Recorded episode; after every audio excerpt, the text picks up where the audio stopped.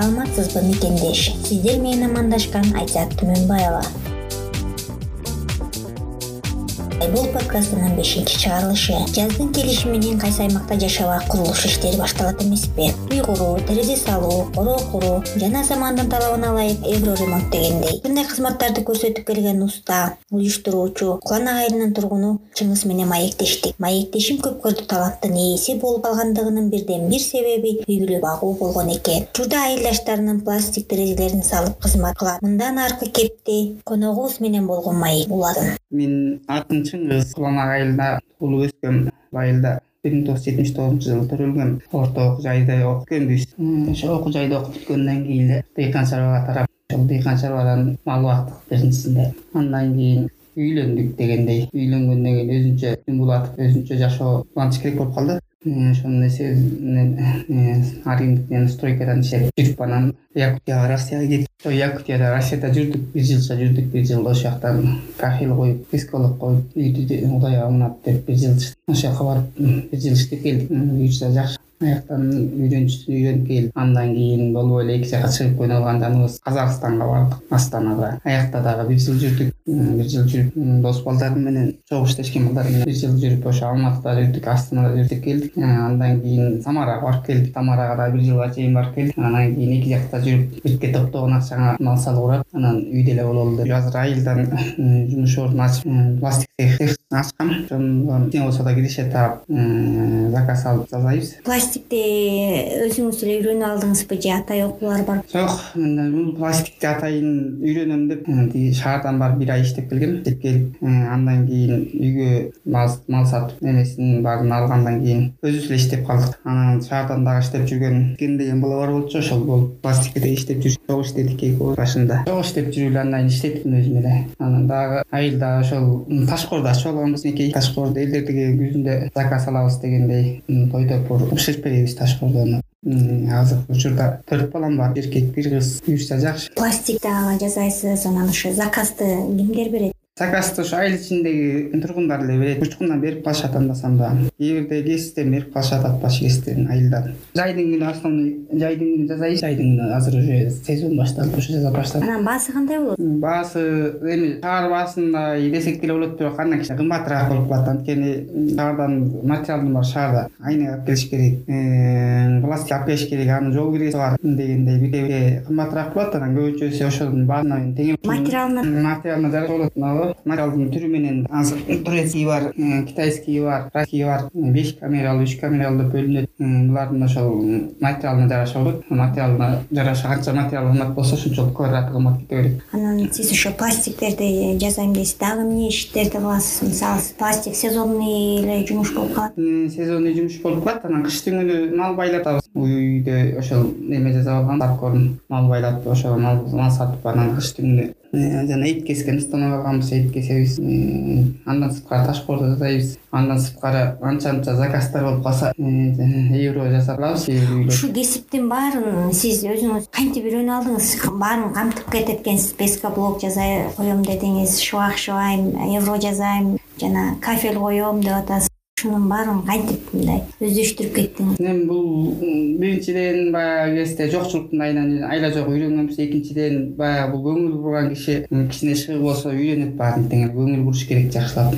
Көңүл буруп биз ошол үйрөнөбүз деп якутияда кафелди үйрөндүк анан тияктан үйрөндүк дегендей. Анан бул колунда кичине шыгы болсо анан көңүл буруп жакшылап кунт коюп жазса эле жаза алат ошентип үйрөнүп кеттим баарын тең буюрса ошо кээ бирде айтат го бул талант деп анан кээ бирөө үйрөнүп кээ бирөө болсо эме атасы жасаган же мындай ушундай бирөөдөн өттүбү деген дагы. Эми биздин деле чоң атабыз өтүкчү болуп болуптур ошондон балким ошондон болду. Балким эми таланттан болду. Тиги анан эмгектен болот бул баягы өнөөлүү адамдар деле айтып коет го жыйырма процент. Тиги өзүнүн эмесинен анан сексен процент тиги эмгектен болот деп анан эми ошол эмгек кылып ошол жака баргандан кийин бир нерсе үйрөнөйүн деп барасың да бир жака. Анан элдин артта калбайын деп жанталашып иште ошо эмгек кылып атып үйрөндүк.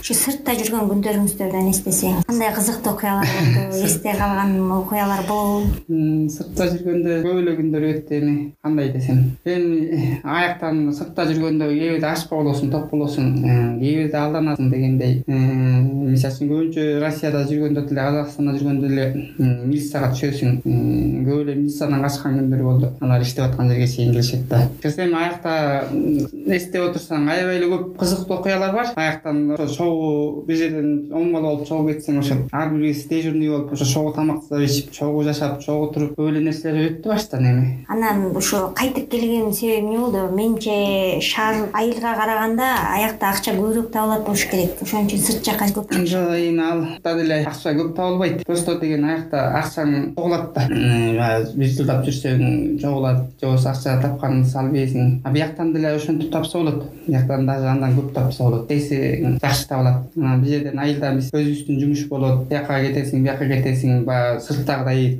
тынбай иштебейсиң да. Тияктан он эки саат он беш саат тынбай иштейсиң. Эртең менен саат сегизден кечки саат сегизге чейин тынбай иштетет анан айылдан ошентип иштей турган болсоң андан да көп акча табыш мүмкүн да шаардан дагы анан келген себебибиз үйдө биякта семья болсо семьяны дагы жүргөндө сагынасың. Анан семьяны да таштап кетип оюнчук эмес. Анан үй биякта шарт болуп турса сыртта жүргөндөн көрө үйүң жакшы үйдөн ошон үчүн шарт түзүп алып дейлик деп атабыз. Азыр учурда сизге жардамчы ким учурда балдарым жардамчы. Эгерде көбүрөөк жумуш болуп баратса тияктан тааныш биякта дос балдарымды чакыра калам азыр балдарым жардам берет основной балдарым онунчу класс болуп калып атыр чоңоюп азыр ошолор жардам берет. Анан эми бире бире эмени көрдүм бакты.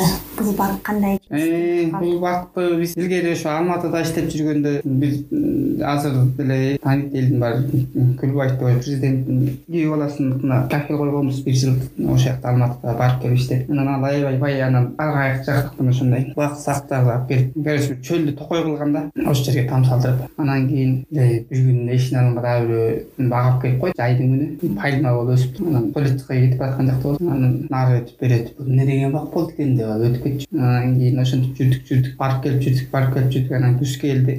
Кыш келгенден кийин эле жалбырактар түшүп калса эле көк терек болуп калса болобу көрсө көк терек эле ошентип үстүнө тоглоктоп темирден коюп ийип ошо буктап туруп анан жасап койсо анан кийин бул жалбырактар өсүп неметкенден кийин жанаг темирлер же жалбырактын бактын бутагынын арасына кирип кетет экен дагы көрүнбөй калат. Анан пальма сыяктуу болуп калат экен да. Анан ошону келгенден кийин ошол жактан ойлоп койгом жасаш керек экен.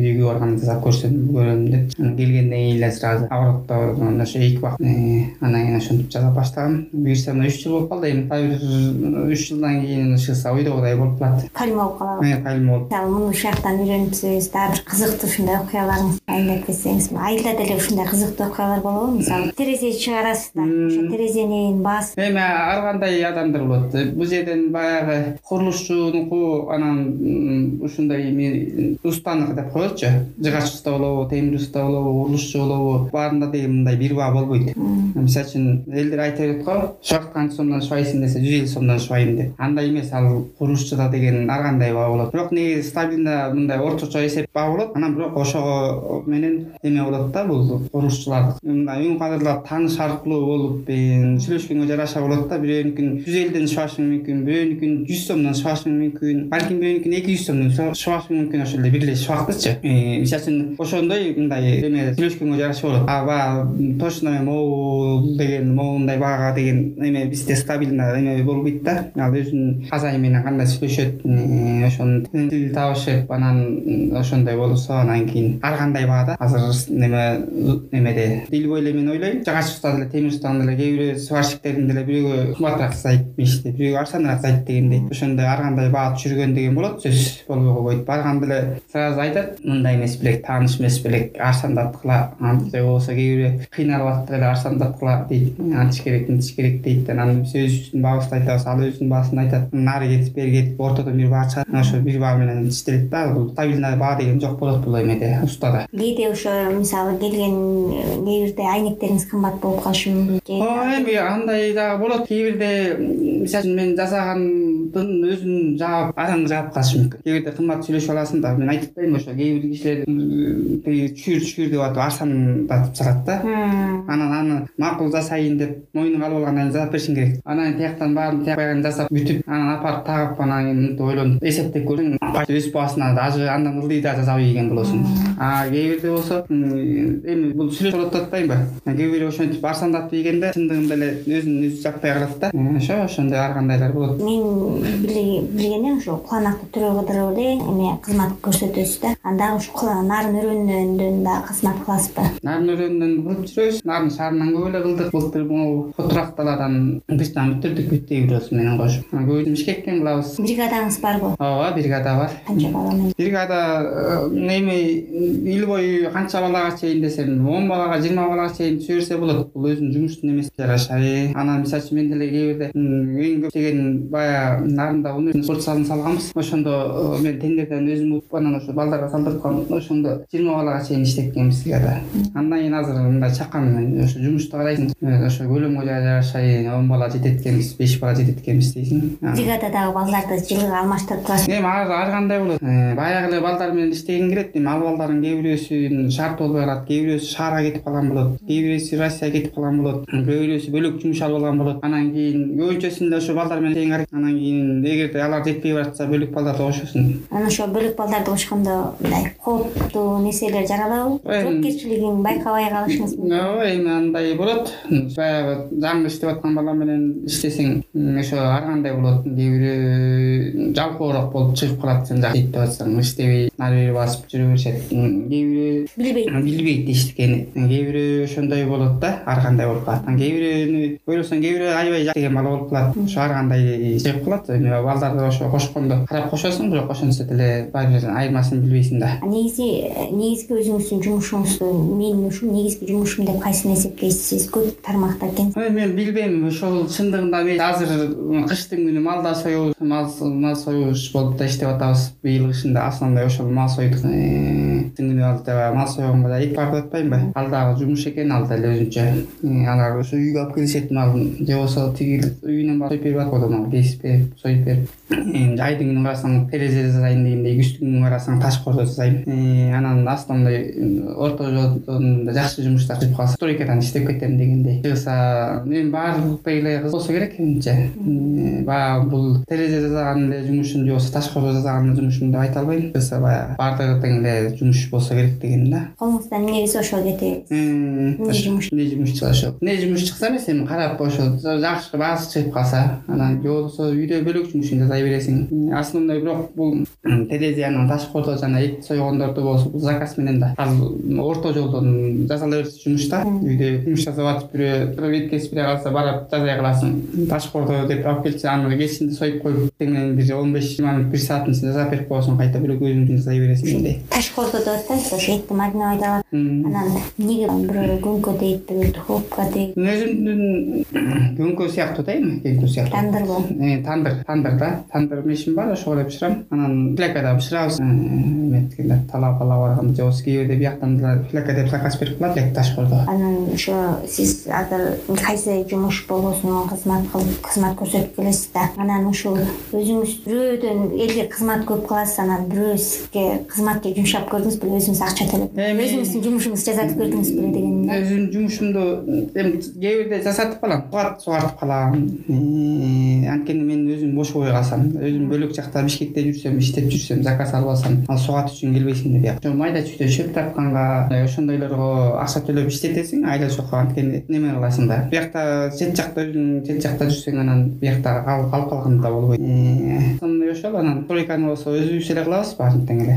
Жаз күз бош кезде өзүбүздүн майда чүйдөн жасап бүтүрүп алабыз. Ошо сапатка дагы карашат эмеспи учурдачы. Жасаган учурларда сапаттарын өткөзүп берип деген болот ооба эми бул жерден основной эми айылдан жасап аткандан кийин ошо сапаттуу жасаганга аракет кыласың анткени чоочун жакта болсоң эптеп берип коюп калып калсаң болот алар эметип сапатын көп эмете албайт. Анан айылдан ал сапаты начар болуп калса эртең айтат барып оңдоп бер же болбосо кайта алмаштыр дейт. Ошон үчүн сапатка жакшы караганга аракет кылабыз сапатты карайсыз эми ушул сиз азыр баардыгын эле жасап өнөр ээси болуп калдыңыз да анан кеңеш кандай кеңеш бере аласыз? Жаштарга же өсүп келаткан муунгабы эми өсүп келаткан муундарга жаштарга эмне дейсиз азыр эмгекчил болуш керек биринчиден. Экинчиден баягы бою жумуш жасаарда коркпош керек бул жумушту негизи адам баардык элдин баарын эле колунан келет жасаган. Просто коркуп жасабайт да. Жасасам туура эмес болуп калат же бүтпөй калат кандай болуп калат деп анан ошол жумуштан биринчиден коркпош керек эмгекчил болуп анан ошо эмгекчил болуш керек. Коркпой жасаш керек да рисковать этиш керек. Бул негизи основной рисковать эткенден болот. Баягы билбей туруп эле мындай бирдекени жасап мындай көңүл коюп жасаса тазалып кетет андан кийин жасай берет. Көбүнчө киши коркуп эле жасабайт анан билбейм деп жүрө берет да. Эчтекени билбейм депчи. Анан кээ бирлери көзү жетип турат билип турат бирок ошол коркот да жасагысы келбейт. Жасасам туура эмес болуп калат деп мисалы жеткезсем деп атасыз анын деле бир баасы бар. Ал деле анын деле баасы анын деле негизи основной миң сомдон анан болуп калат тааныш тунуш болуп калат алардын кичине арзандатпайсыңбы дейт. Туугандар болуп калат алардан кээ бирөөдөн доолобойсуң кескич машинаны деле сатып келдиңиз ооба ал кескич машинени деле кырк миң сомго сатып келгенбиз анан өзүн актайт. Актайт бул терезени деле менимче терезе жасап аткан нерсенин деле бир оборудованиясы же техникасы бирдекеси бар болуш керек. Ооба. Анан ошону деле сатып алдыңыз ооба. Анан актадыбы ооба эми буюрса актайт. Негизи деген бул бою нерсени сатып келгенден кийин өзүн актатыш керек биринчиден. Ал актайт э, ал негизи алып келгенден кийин иштетсе эле актайт а кээ бирөө алып келип алат да иштете албай калат бирдеме болуп калат да анан актабай калат баягы а бул иштете берсе эле актайт өзүн өзү мисалы үчүн э, азыр эмне эт кескин деле тиги терезе жасаган аппараттын деле өзүн өзүн актап бүткөн негизичи келгенде эле актап бүтөт анан майда чүйдө өзүңө баягы күнүмдүк жашооңо жакшы да. Акча табыла берет болгон сизди ким колдойт ушундай жерлерди колдогондо же ким колдоп турду же семьяңызбы же эми основной семьяңда семьяң болуп сүйлөшөсүң э, мындай мындай кылып иштетели дейсиң. Мисалы үчүн байняны иштеткенде деле ошондой кылып иштетели дейсиң. Анан семья эле основной анан бөлөк деле ошо досторуң болобосу а так семьяң эле колдойт анан кредит аласың ошонун эмеси менен еңбеги эме менен алып иштетип атабыз могу риск керек деп атасыз да кайсы жерде болбосунчу э, анан ошо мындай күйгөн жериңиз болдубу же болгон жок? Эми билбейм могу мен иштеткен иштеримден күйгөн деле жокмун просто кээ бирден деле андай деле күйгөн жокмун. Эмне үчүн ошол бир багытта кетпей баарын бирдей алып жүрөсүңүз? Эми бул бир багытта кетүү ал деген мисалы үчүн шаар жеринде болсо бир эле багытта кетсе болот. Анткени деген аякта деген жумуш ошол ошо заказ көп болот аякта. Мисалы үчүн деген шаар жеринде болсо мен жалаң гана пластик терезе эшик жасайын десең аяктан күнүгө заказ болот. А бияктан мен жалаң пластик эшик терезе жасайм анан тигини жасабайм муну жасабайм деп койсоң ал күнүгө мындай заказ болбойт. Мисалы үчүн шаар жеринде деле күнүгө жанагындай кафелерден ташкоордого заказ бериш мүмкүн. Болбосо шаар жеринен кафешик болом десең аяктан күнүгө заказ чыгат кафелге деп. Айылдан болсо бир жылда бир мисалы үчүн кафелге деп кафешик боло албайсың. Кафе колуңан келген менен аанасам деле бир жаат терезе деле постоянно чыга бербейт анда деле жайында чыгат э, кыз күз жаз жай анан күз эле чыгат жаз кыш дегендей жумушуң жок кыласың. Дегендей. Анан ошо ал үчүн айыл жеринде ар убакытта иштей бериш керек. Кан жумушту иштей берсең ошондо.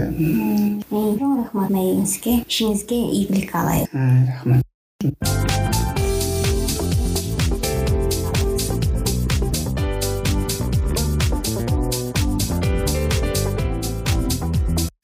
кыргызстан фондунун колдоосу менен даярдалган. Айтылган ой пикирлер сорус кыргызстан фондунун көз карашын билдирбейт. Подкасттын автору айзат түмөнбаева кубанак жамааттык мультимедиа борборунун жетекчиси. Сорус кыргызстан фонду каржылаган подкастты кантип даярдоо керек аталыштагы тренингден билим алган соң байбол аталыштагы подкастты даярдоо үчүн сорус кыргызстан фондунан колдоо алган. Подкасттар жумасына бир жолу чыгарылып турат кубанак жамааттык мультимедиа борборунун жетекчиси айзат түмөнбаева даярдайт ар бир чыгарылышта ар башка өнөр ээлеринин эмгектери менен тааныштырат